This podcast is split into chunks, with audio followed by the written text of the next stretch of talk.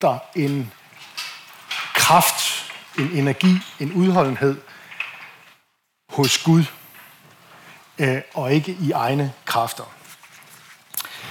Og øh, jeg vil sige en del i aften omkring noget med øh, øh, åndskamp. Og, og jeg vil ikke sige så meget om, hvordan jeg ligesom ser det ude i samfundet og sådan noget. Det kan være det, det, kan, det kan da være meget interessant, men også øh, måske lidt, lidt deprimerende. Øh, jeg vil egentlig hellere prøve at dykke ned i, hvad det er, øh, Guds ord har at sige omkring de her ting. Og det viser sig nemlig at et billede af, at der er, der er især tre fronter, hvor vi har brug for som kristne at blive mindet om og at finde en styrke, som vi ikke har selv, men som kommer til os udefra fra Gud af. Og øh, det er, det er, det er blandt andet i mødet med vores egen, øh, vores eget hjerte, vores egen syndige natur. Så er det i mødet med, øh, med tidsånden, det samfund, vi lever i. Og så er det så også i mødet med øh, den onde selv, den onde djævel.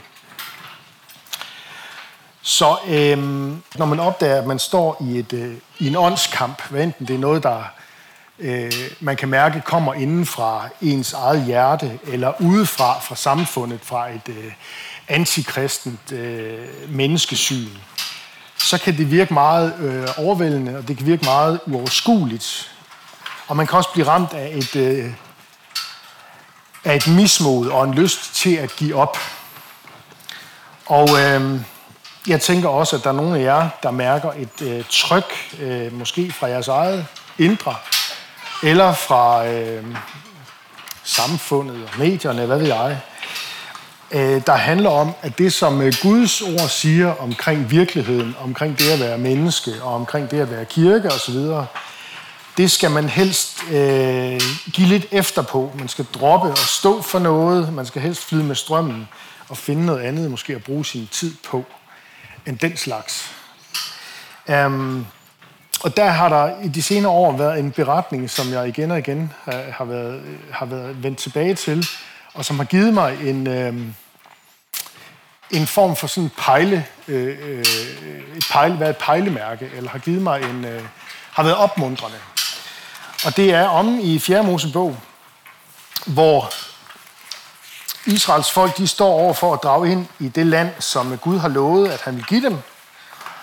Øh, og øh, der sender de så 12 spejdere ind i det her land for at tjekke, hvordan ser det ud inde i Kanaans land. Og øh, så står der i vers øh, i kapitel 13, vers 25, at 40 dage senere vendte de tilbage, efter de havde udspejdet landet. Og, og i vers 27, de fortæller Moses, vi kom ind i det land, du sendte os til. Det flyder virkelig med mælk og honning, og der er noget, øh, her er noget af dets frugt. Kan I huske det der med, at de havde sådan nogle drueklasser, de knap nok kunne bære? Det var, det var, det var voldsomt. Og, øh, men, siger de så, det folk, der bor i landet, er stærkt, og byerne er befæstet og meget store. Det er 10 af de 12 spejdere, der siger det. Men så er der øh, to der er Joshua, øh, Nuns søn, og så en, der hedder Caleb, Jefunes søn. Og de siger, og det er Caleb, der, der lægger ord til det, han siger i vers 30, lad os dog drage op og erobre landet. Det kan vi sagtens.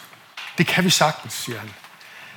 Og det viser sig, at han, når han siger det, så er det ikke fordi, han ikke er bange for de mennesker, der er inde i landet, fordi at det var kæmper. Det var store typer. Det var meget, meget, meget bredskuldrede og veludrustede folk med tatoveringer og store huller imellem fortænderne og sådan noget, ikke også? Og kindtænder, der var trukket ud og alt det der. Det er sådan en parafrase, jeg har nu, men de er, det er det, de siger, ikke også? De siger, folk, folket, der bor der, er, er stærkt, og byerne er befæstet, og så videre, og så videre. Så de 10 vender tilbage. De er gået ind på Guds befaling, de 12 spejdere, de 10 kommer og siger, det kan I godt glemme alt om. Det kan vi ikke. Og så kommer Josva og Caleb og siger, jamen det kan vi sagtens. Fordi det har Gud lovet. Og der udspiller sig så en, øh, et, et drama, der I kan læse om det i øh, 4. Mosebog, kapitel øh, 13 og 14. Men sagen er, der står de her to spejdere, der stoler på, at Gud vil give Israels folk det land, han har lovet dem. Netop fordi, at det har Gud sagt, at han vil gøre. Der er noget i Guds ord, de ikke kunne sige sig selv, men som Gud havde sagt, og det stolede de på. Og om en af de her to, nemlig om Kaleb, der siger Gud så i kapitel 14, vers 24. Han siger sådan her, men i min tjener Kaleb var der en anden ånd. Han var fuldt og helt med mig. Ham vil jeg føre ind i det land, han har været i, og hans efterkommere skal tage det i besiddelse. Der var en mismodets ånd i de ti, og så bliver Caleb og Josva dem, der bliver eksponenter for en ånd, en anden ånd, nemlig en tillidens ånd. En tillid til Guds ord og Guds løfter. Og det har jeg bare lyst til at minde jer om her til indledning, inden vi kaster os ud i, øh, over i Efterbrevet, fordi det er i virkeligheden der, vi skal over. Men øh, vi starter lige i det gamle testamente, for tit så forstår vi noget af det, der siges i det nye testamente, på baggrund af det gamle testamente, som jo var apostlen Paulus og Jesus egen bibel. Så det, de skrev, ville slet ikke have nogen autoritet, hvis ikke det byggede på, hvad der stod her om i det gamle testamente og Guds åbenbaring derom. Så det, jeg prøver at sige, det er, med, det, med den beretning her om de her 12 spejdere, at ligesom dem, så har vi også et valg, når vi møder øh, øh, åndskamp. Og det kan for eksempel være omkring menneskets identitet, og det, at vi er skabt i Guds billede som mand og kvinde og alt det der, ikke også? Og hele woke-ideologien. Altså, vi kan jo vælge en form for passivitet og øh, klagesang og et mismod, når vi ser, hvordan afkristningen den spreder sig. Øh, når vi ser, hvordan at øh, videnskaben og biologien bliver mere og mere tydelige omkring, at det er, øh, selvom der er en navlestrang imellem mor og barn, så er det to forskellige individer, og alligevel så bliver vi ved med at skal lære op omkring vores abortpraksis. Vi kan vælge et mismod og en klagesang, når vi ser de her ting sprede sig i landet og i folket Danmark. Eller vi kan vælge i tillid til Gud at lægge planer for, hvordan børn og unge og voksne, hvordan menighederne, som vi tilhører, skal vokse i tillid til, at Gud og Guds løfter og Guds ord kan du stole på. At vi får lov til at vokse i kærlighed til mennesker omkring os, og i forventning til, at Gud ikke har svigtet sin menighed. Og det vil han aldrig gøre. Han går med sin kirke med sin ånds kraft.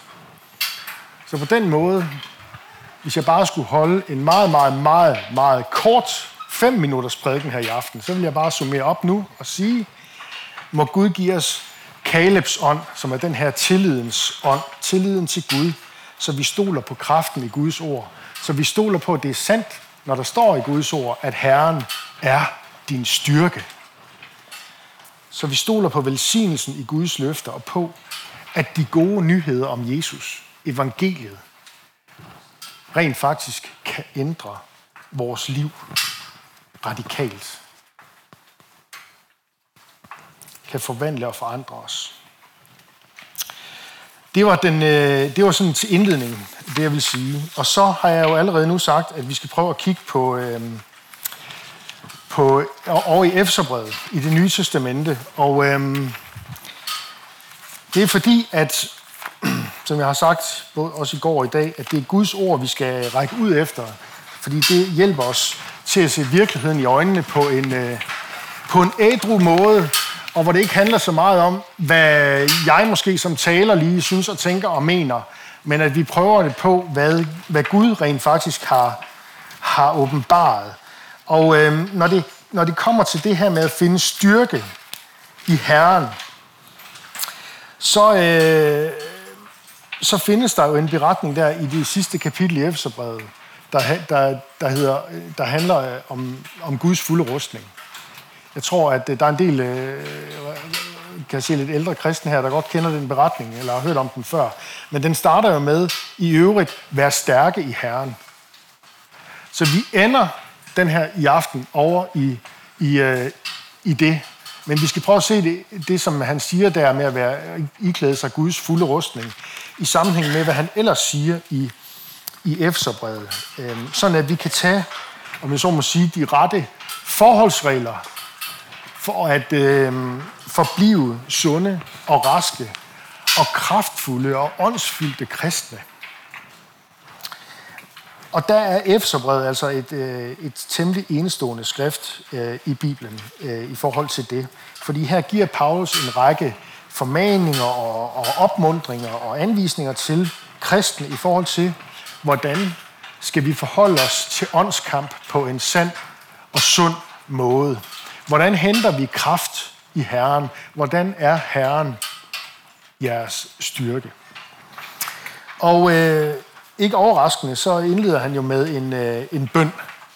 Og det siger måske noget om, at her har du jo allerede øh, nøglen til at øh, låse op for noget af det her. Bønden, forbønden for menighederne, Paulus' eget bønsliv, det var det, øh, det var det, det er der, vi ser et vidnesbyrd om, hvordan han henter kraft. Øh, kapitel 1, vers 15, og så læser vi lige lidt fremad. Øh, der siger han sådan her øh, om sin bøn for menigheden. Øh, i Efesus.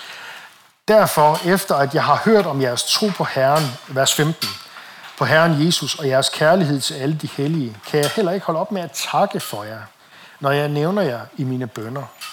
Jeg beder om, at vor Herre Jesu Kristi Gud, herlighedens far, vil give jer visdoms- og åbenbaringsånd til at erkende ham med jeres hjertes øjne oplyst, så I forstår til hvilket håb han kaldte jer, hvor rig på herlighed hans arv til de hellige er, og hvor overvældende stor hans magt er hos os, der tror i kraft af hans mægtige styrke.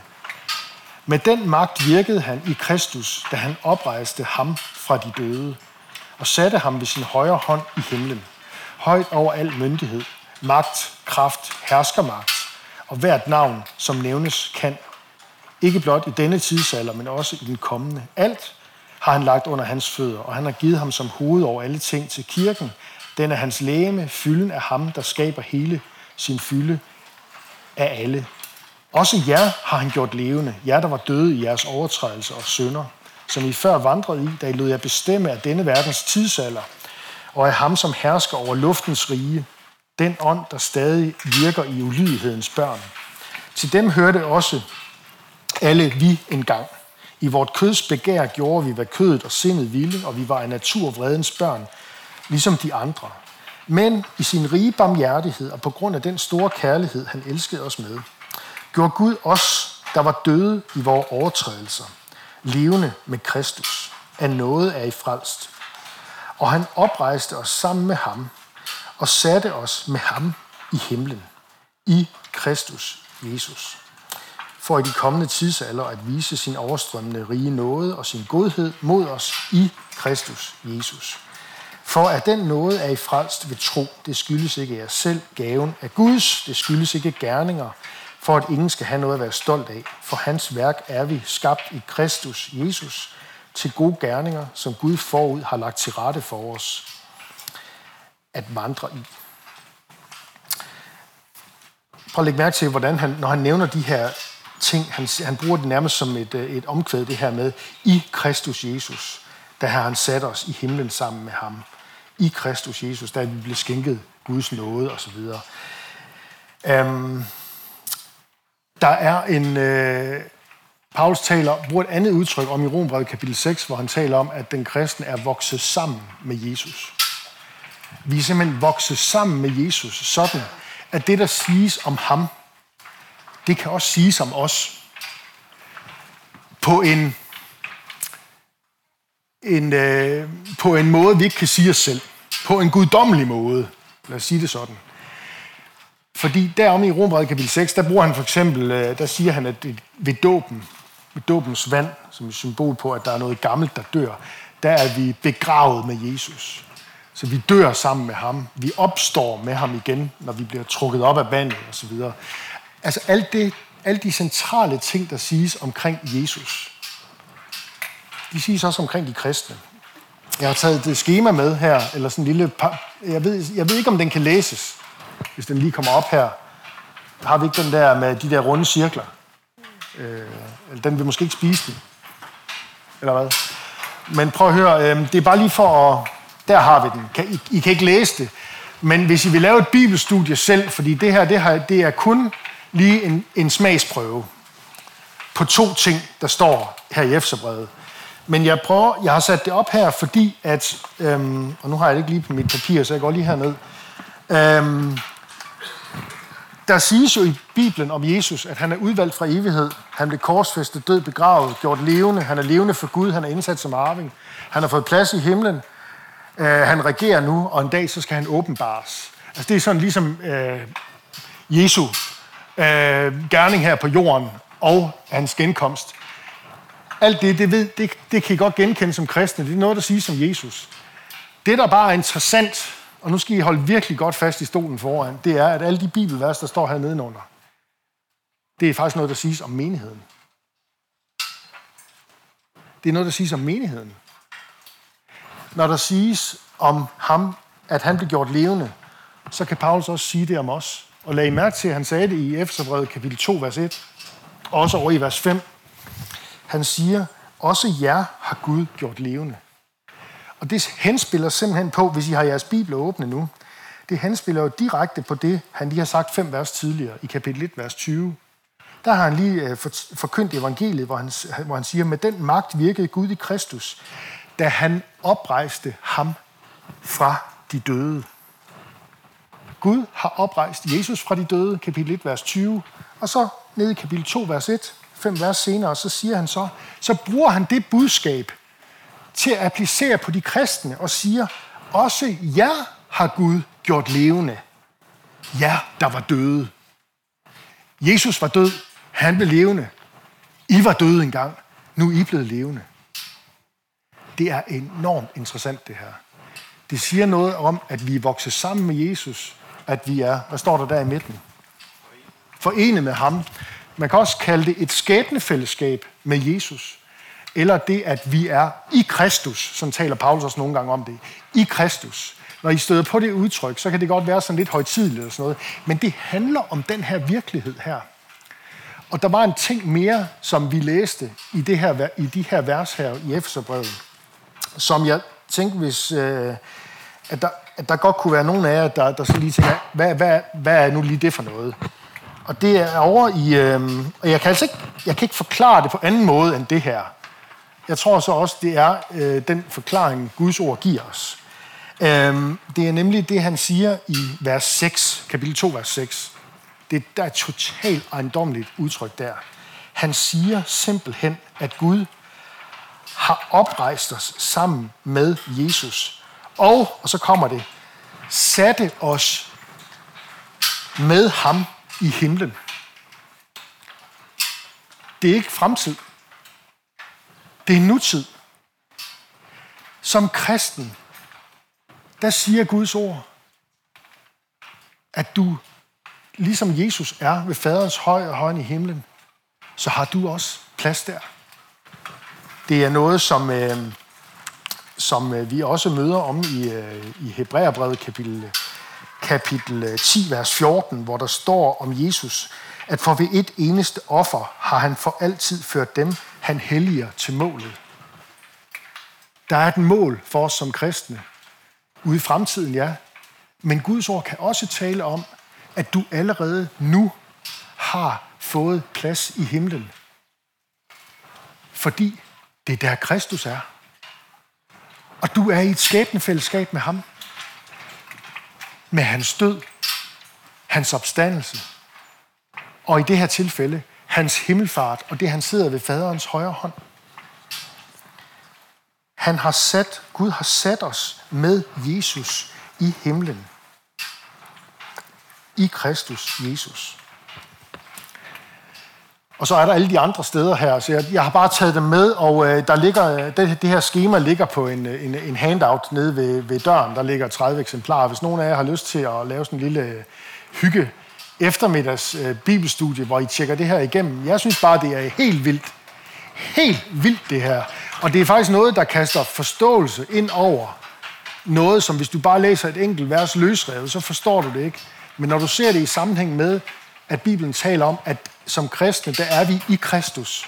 Der er vi vokset sammen med ham. Der er vi i et skæbnefællesskab med ham.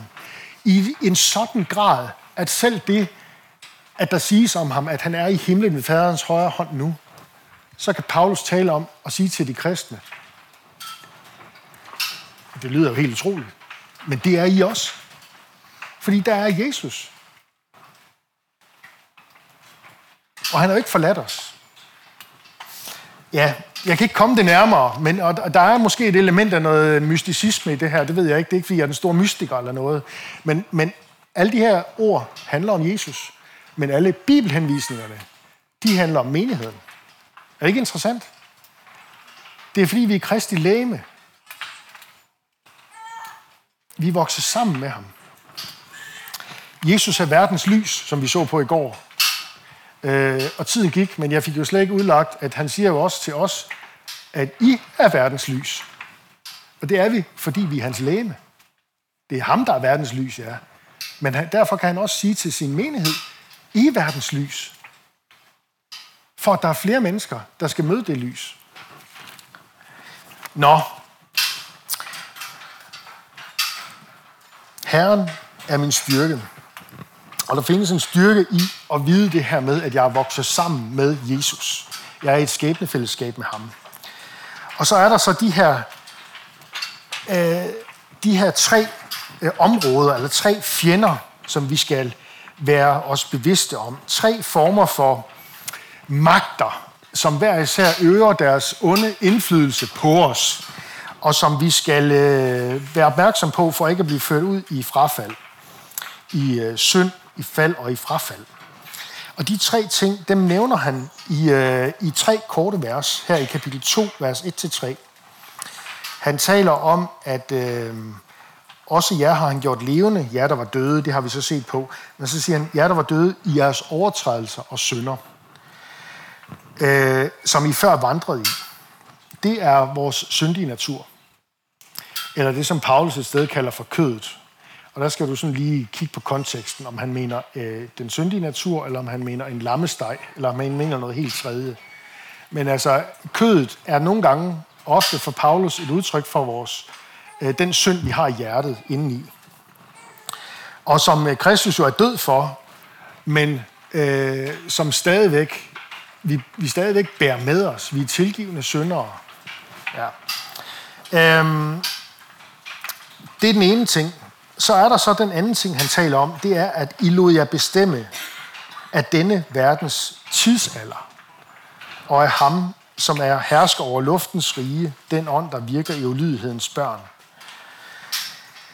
Um, der er de her uh, tre områder. Synden i hjertet, så er der tidsånden, altså verdens magt uh, over os og vores sind. Og så er der den tredje, det er ondskabens åndemagter, som her bliver beskrevet som ham, der hersker over luftens rige, den ånd, der stadig virker i ulydighedens børn.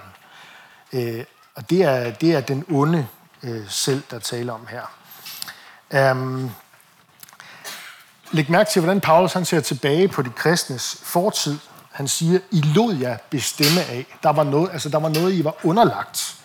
Der var noget, I adlød eller nogen magter, eller stemmer, eller ideologier, som I adlød og lod jer beherske af, øhm, som udøvede deres magt over jeres liv. I opførte jer ligesom resten af verden, øh, står der i, en, øh, i Bibelen 2020. Øh, vi var, I var bundet af den her verdens ånd, af tidsånden. Så man kan sige det på den måde, der er et indre pres fra vores syndige natur, der er et ydre pres fra tidsånden. Og så er der et overnaturligt pres fra den onde, som vi jo ikke kan se.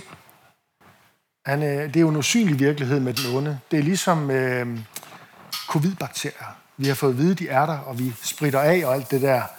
Og øh, vi kan også mærke, at vi kan blive syge, hvis ikke vi gør det og alt det der. Men der er en, der er en, der er en ond, usynlig virkelighed også. Et indre pres, et ydre pres, og så et overnaturligt pres. Um, og hmm,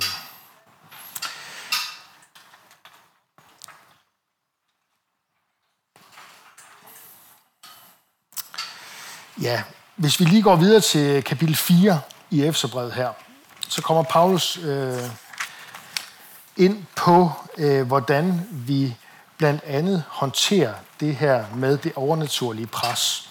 Og der er vi altså på vej nu fra kapitel 2 over kapitel 4 til hen til Guds fulde rustning i kapitel 6.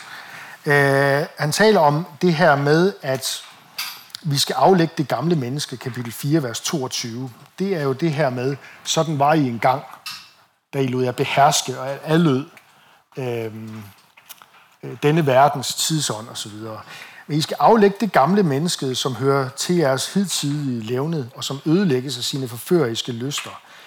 Og at I skal fornyes i sind og ånd, og iføre jer det nye menneske, skabt i Guds billede med sandhedens retfærdighed og fromhed. Og hvordan gør man så det? Jamen det kommer han jo så ind på i det næste afsnit. Læg derfor løgnen bort og tal sandhed med hinanden, for vi er hinandens lemmer. Bliv blot vrede, men synd ikke. Lad ikke solen gå ned over jeres vrede, og giv ikke plads for djævlen. Giv ikke plads for djævlen. På græs, der, står der, der bruges der det her udtryk med at give ham en, en, et, et, stykke, et stykke land, eller et sted, hvor han kan sætte sin fod ned.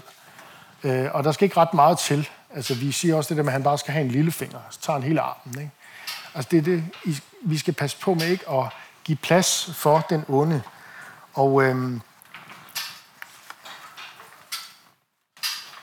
det gør vi blandt andet jo. Vi giver jo plads, hvis ikke vi lægger løgnen bort. Hvis vi taler usendt med hinanden. Hvis ikke vi ser på hinanden som det, Guds ord taler om, at vi er, nemlig Kristi lægeme og brødre og søstre.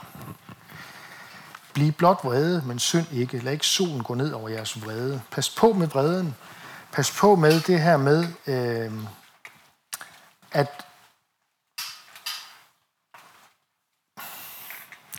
ikke at ville tilgive. Vers 31. Al forbidrelse og hissighed og vrede og råb og spot skal ligge jer fjernt, jer al ondskab. Men vær gode imod hinanden, vær barmhjertige og tilgive hinanden, ligesom Gud har tilgivet jer. Jeg hørte for ikke så lang tid siden en, en, en gammel rutineret præst sige noget i retning af det her med, at det er et af de områder, hvor den onde for alvor kan sætte ind, også i de kristnes liv. Det er, når vi bærer rundt på nag og ikke ønsker at tilgive. Øh, så får han en plads. Så får han mulighed for at sætte sin fod ned øh, i vores liv og gøre sin onde ting og forsøge at demonisere os. Undgå at gøre plads for djævlen, fordi han leder efter områder i vores liv, hvor han kan få fodfæste. Og så er vi så på vej om til øh, kapitel 6 nu, fordi der taler Paulus jo netop om det her med at holde stand imod djævelens sniløb. Og nu prøver vi lige at læse øh, de her, de her øh, vers i slutningen af Efeserbrevet øh, fra vers 10. I øvrigt vær stærke i Herren og i hans mægtige styrke. Ifør jer Guds fulde rustning, så I kan holde stand mod djævelens sniløb. Til for os står kampen ikke mod kød og blod, men mod myndigheder og magter, mod verdens herskerne i dette mørke, mod ondskabens åndemagter i himmelrummet. Når, det, når Paulus siger, at kampen ikke står mod, mod kød og blod, så mener han ikke, at vi ikke skal kæmpe mod vores syndige natur, her mener han i den her sammenhæng, kød og blod, der mener han bare mennesker. Altså, vi kæmper ikke imod mennesker. Vi er jo kaldet til at elske mennesker. Vi er ikke kaldet til at bekrige hinanden. Men kampen, den står imod, imod tidsåndens ideologier og den onde øh, og hans øh, sniløb. Øh, ondskabens åndemagter, som han siger. Og så fortsætter han i vers 13. Tag derfor Guds fulde rustning på, for at I kan stå imod på den onde dag overvinde alt og bestå. Så står der fast, spænd sandhed som bælte om lænden, og ifør jer retfærdighed som brynje. Og tag som sko på fødderne villighed til at gå med fredens evangelium. Overalt skal I løfte troens skjold, hvor man I kan slukke alle den ondes brændende pile. Grib frelsens hjelm og åndens svær, som er Guds ord. Under stadig bøn og anråbelse skal I altid bede i ånden og holde jer vågne til det, og altid være udholdende i forbøn for alle de hellige. Også for mig om, at jeg, når jeg åbner min mund, må få ord til frimodigt at gøre evangeliets hemmelighed kendt. Det, som jeg er i lænker, øh, i lænker af sendebud for. Bed, bed om, at jeg ved evangeliet må få frimodighed til at tale, som jeg skal. Jeg synes, det er skønt, at, at, at og det er sådan er det med mange af Paulus' breve. Det starter med, med bøn og forbøn og ønsker om bøn, og sådan slutter det også. Altså det, det, det, det, når han taler om det der med at finde styrke, og Herren er, er min styrke, så handler det for ham og for os meget om det, om bønnen og forbønnen. Øhm, så er der det her billede af en rustning her. Hvor har han det billede fra? Jamen, øh, jeg har før i hvert fald hørt det her med, at øh, han tænker nok på en romersk soldat. Men der står jo, tag Guds fulde rustning på. Der står ikke, tag en romersk soldats fulde rustning på. Så jeg tror ikke, det er der. Øh, og øh, jeg bliver opmærksom på på et tidspunkt, at om hos Esajas, profeten Esajas, der er der nogle billeder af Gud som konge og som kriger, som, og, og igen, her skal I lige regne med, Paulus var jo fejser, det vil sige, at han var udlært til at kunne, øh, altså, til at kunne store dele af det gamle testamente udenad. Altså, vi når ham ikke til sokkerholderne, vel? Altså, han kunne det virkelig, virkelig, virkelig bare. Øh, nutidens øh, ortodoxe jøder, mange af dem kan også store dele af, af, af det gamle testamente, og alle mulige fortolkninger af det udenad. Jeg hørte også om en forkynder øh, fra Norge, øh, Øjvind Andersen, der blev blind på sine gamle dage, har jeg fået lavet mig fortælle, som, som alligevel holdt bibeltimer og sagde, vi slår op i Rombrevet kapitel 8, og så begyndte han bare at læse op, og du kunne bare sidde og følge med. Det var ord til anden. Han var bare blind. Ikke også? Han kunne det udenad. Så Paulus har hentet sin teologi omkring det her med Guds fulde rustning om i øh, Esajas. Og nu skal I prøve at se, øh, nu skal I prøve at se eksemplerne på det. Jeg har lige taget det med på et, på et schema her. På det næste. Jeg har lavet simpelthen sådan nogle totalt retro slides der, ikke også? Prøv lige at se. Guds fulde rustning. Vi starter bare kronologisk.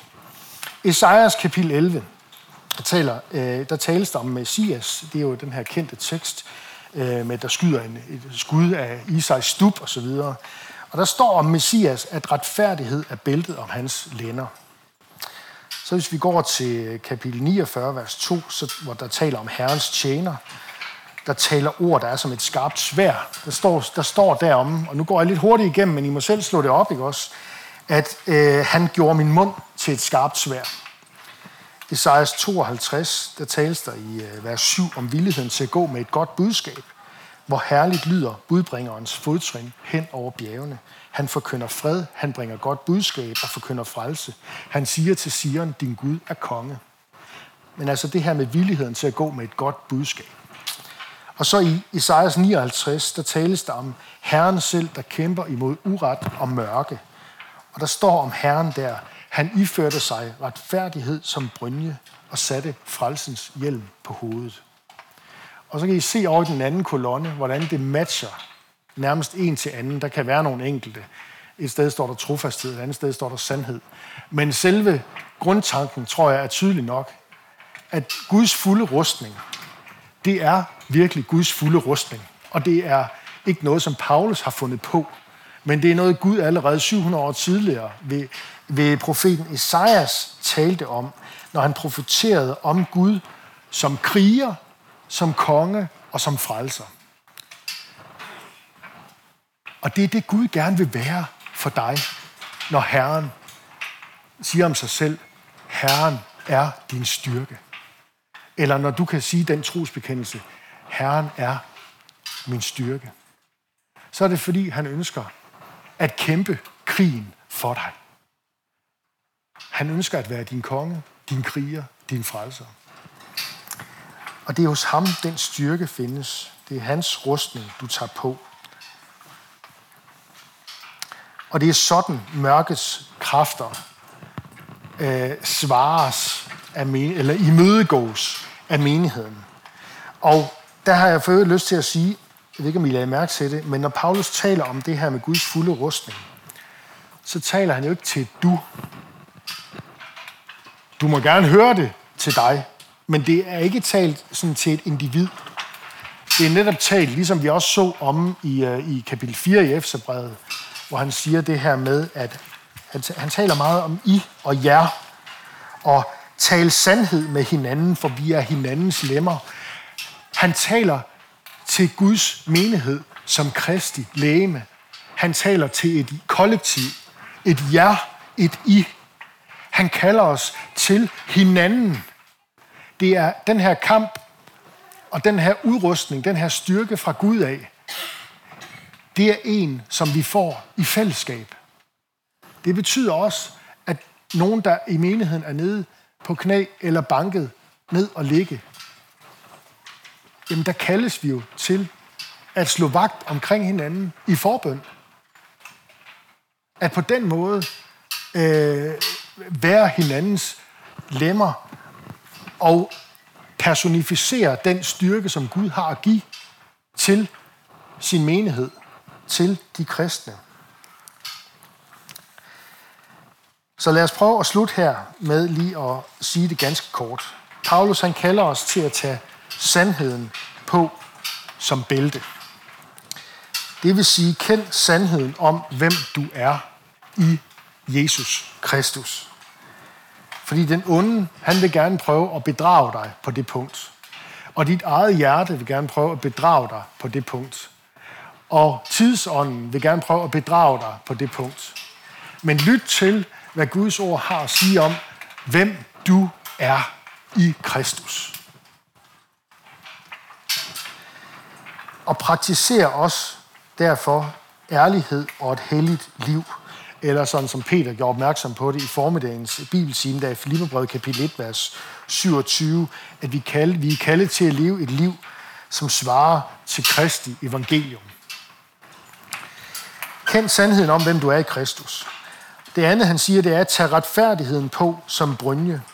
Det vil sige, vid, at du på Guds ord og løfter er ren og retfærdig, himlen værdig, på grund af det, Jesus har gjort for det. Og han har gjort alt, hvad der skal til.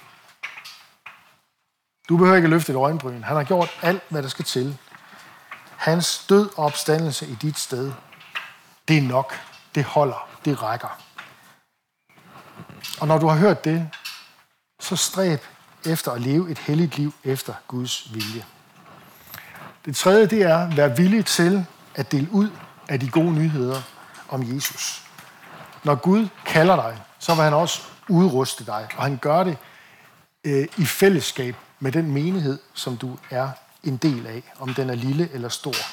Men vær reddet til at dele ud af det, som I, vi, du, jeg har modtaget. Det fjerde, det er løft troens skjold, som der står i vers 16. Det betyder, vær ikke vantro. Stol på, at Gud, han vil hjælpe dig videre igennem livet. Bed om en fornyet tillid til Jesus. Bed om en fornyet glæde over hans frelse. Og det femte, det er at tage frelsens hjelm på. Det betyder, hvil i glæde i glæden over Guds frelse. Hvil i din nye identitet i Jesus som en, der er frelst af ham, som en, der er vokset sammen med ham, en, der er forenet med ham, en, der er gjort levende med ham, en, der er oprejst med ham, ja, endda en, en som har plads i himlen sammen med ham. Hvor utroligt den lyder. Vi forstår det ikke, men det siger Paulus. Tillykke med det. øhm, ja, og så er det sjette, bevæbne dig med Guds ord. Det er åndens svær. Det betyder, kend Bibelen og del gerne af din indsigt med andre. Og forvent, at øh, Guds levende ord vil være dig til hjælp på rette tid. Og det sidste, det er så, bed. Øhm, bed Gud styrke dig og andre imod fristelse og fald, og bed med frimodighed om at dele øh, de gode, gode nyheder øh, om Jesus igen lægge mærke til, hvordan Efeserbrevet begynder med bøn. Jeg takker altid min Gud, og det slutter med, at Paulus selv beder om forbøn. Bed om, at jeg ved evangeliet må få frimodighed til at tale, som jeg skal. Så lad os øh, slutte med at bede. her sammen igen. Jesus, vi takker dig, fordi at vi ikke skal finde kræfter til at øh, kæmpe imod øh, vores egen øh, syndige natur, eller de ideologier, der møder os i samfundet, eller den onde djævel øh, hos os selv, men at det er noget, som du øh, det er noget, du skænker os. Eller som der står i en af salmerne i det gamle testamente, du, o Herre, er et skjold omkring mig. Du er min ære, du løfter mit hoved højt. Og det beder vi om, at vi må få lov at erfare, at du, Jesus, er et skjold omkring os og omkring vores menigheder. Omkring vores familier, omkring vores liv.